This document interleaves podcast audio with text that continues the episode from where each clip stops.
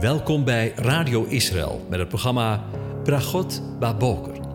Een kort ochtendprogramma waarin een gedeelte uit de Bijbel wordt gelezen en besproken. Met Bragot Baboker wensen onze luisteraars zegeningen in de ochtend. Presentator is Kees van de Vlist.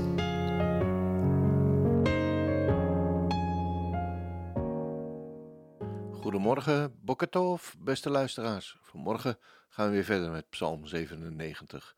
En ik lees de psalm weer aan je voor. De Heere regeert, laat de aarde zich verheugen en vele kustlanden zich verblijden. Wolken en donkerheid zijn rondom hem.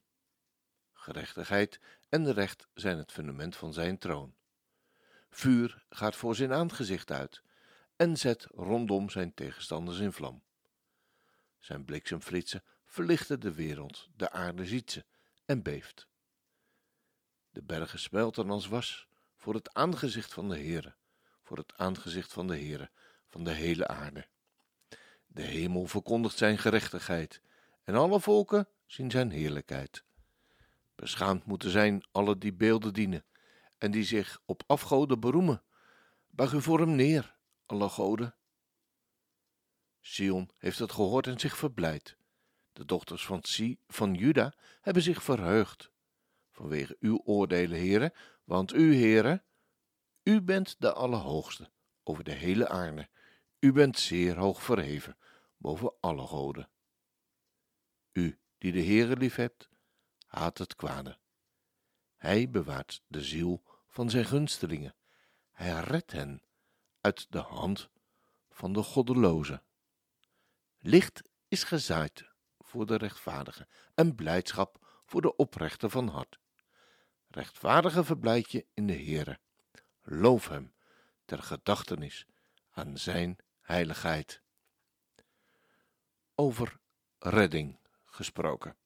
Vandaag wil ik met je stilstaan bij het laatste gedeelte van vers 10, waar we lezen: Hij redt hen uit de hand van de goddelozen. En dan zijn het zijn gunstelingen. Inderdaad, zoals de voorgaande keer met elkaar overdacht hebben, bewaart de Heere, met hoofdletters geschreven dus, de aanwezige, de ziel, het leven van zijn gunstelingen. Zij ontvangen dus nieuw leven. Hij bewaart hun ziel, dat is hun leven. En hoe hij dat doet, wordt in het vervolg van de tekst uitgelegd.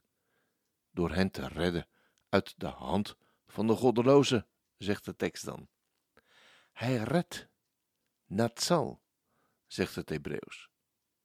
Natsal, redden, heeft ook de betekenis van uitkleden, plunderen, zichzelf verlossen of verlost worden en wegrukken. Een mooi voorbeeld daarvan vinden we in Genesis 31, vers 9. En ik lees het voor het verband van de tekst de eerste negen versen aan je voor van het hoofdstuk. Genesis 31. Toen hoorde hij de woorden van de zonen van Laban. Die zeiden: Jacob heeft alles genomen, wat van onze vader was. Uit dat wat van onze vader was, heeft hij al deze rijkdom verworven.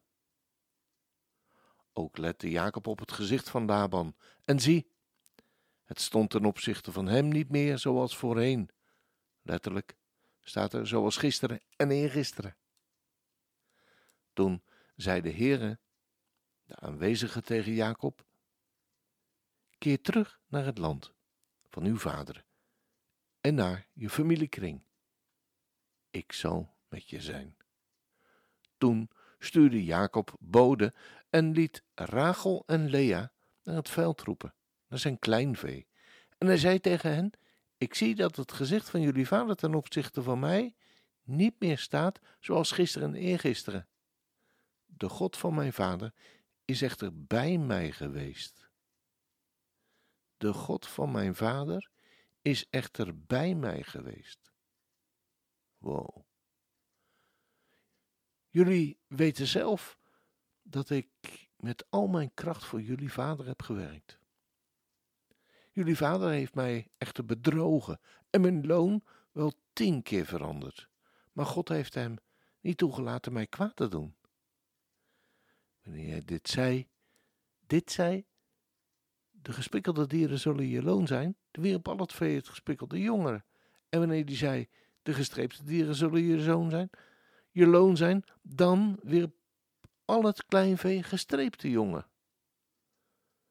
Zo heeft God het vee aan jullie vader ontrukt. Daar staat het woord dus, natsal, ontrukken, en aan mij gegeven. Op deze manier werd Laban letterlijk uitgekleed van zijn kudde, van zijn vee, met krachtige en uitgestrekte arm. Hij verlost zijn gunstelingen van de goddeloze en beter vertaald de godvijandigen.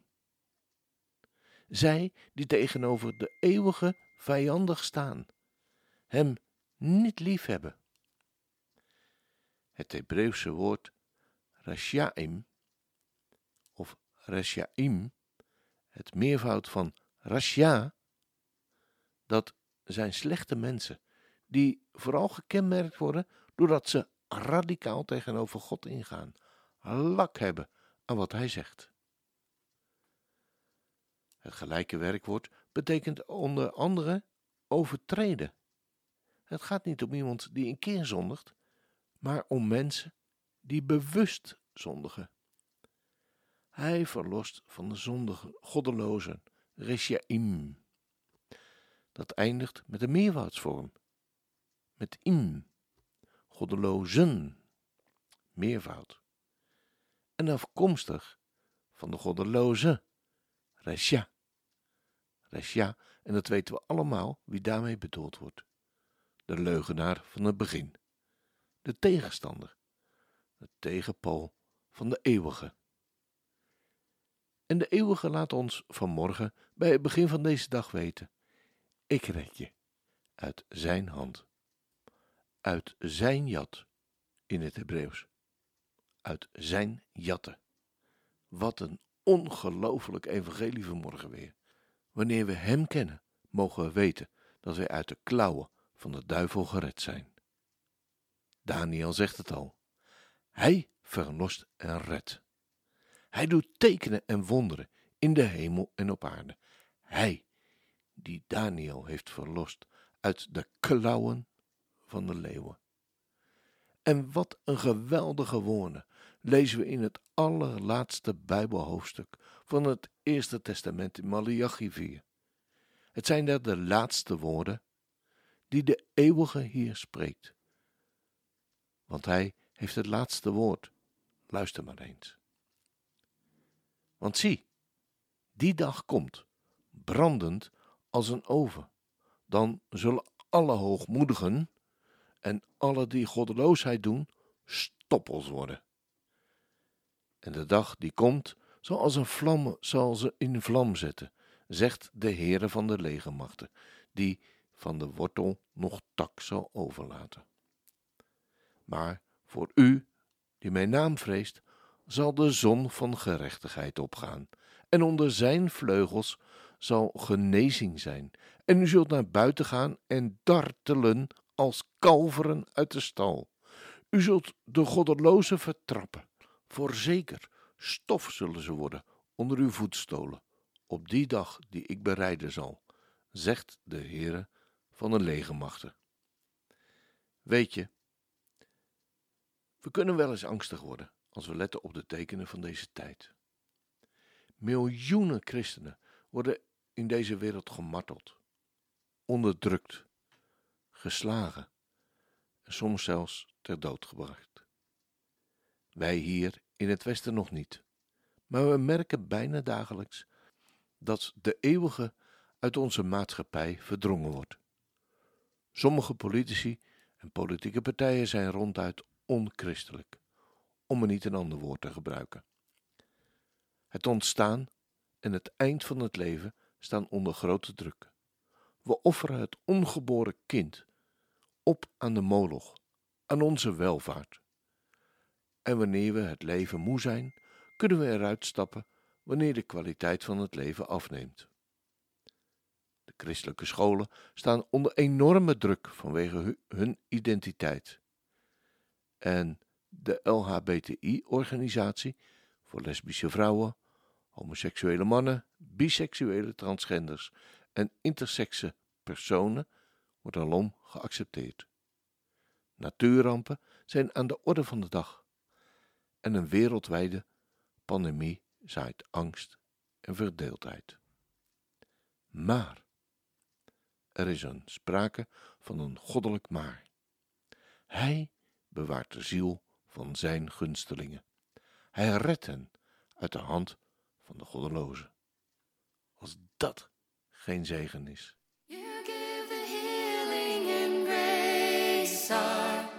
Hearts always hunger for. Oh, our hearts always hunger for.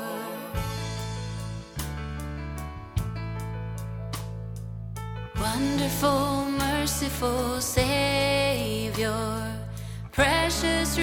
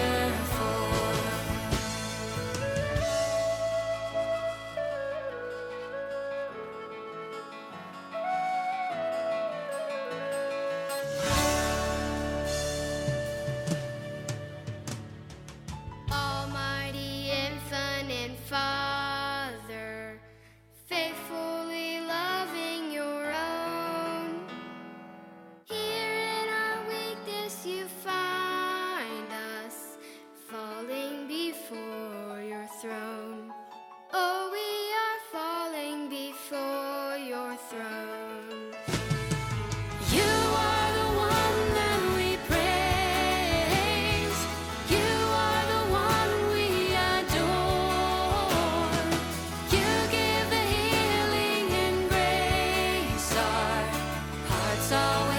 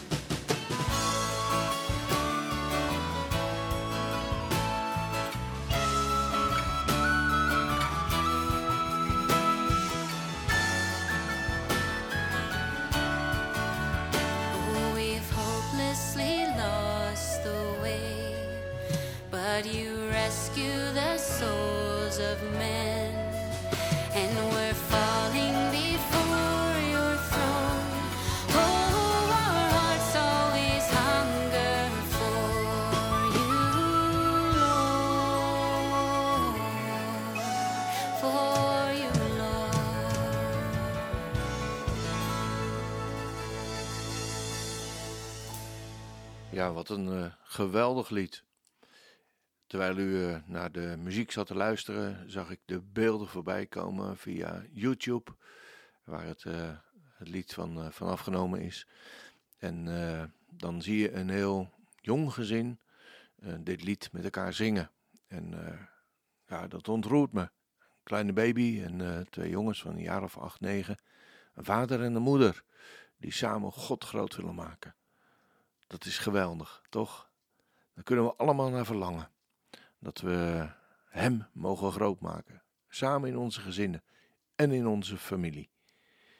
Ja, dan uh, zijn we hiermee weer aan het einde van deze uitzending gekomen. En wens ik je God zegen toe. De Heer zegene en hij behoede je. De Heer doet zijn aangezicht over je lichten en zij je genadig. De Heer verheft zijn aangezicht over je en geeft je zijn vrede, zijn shalom. Amen.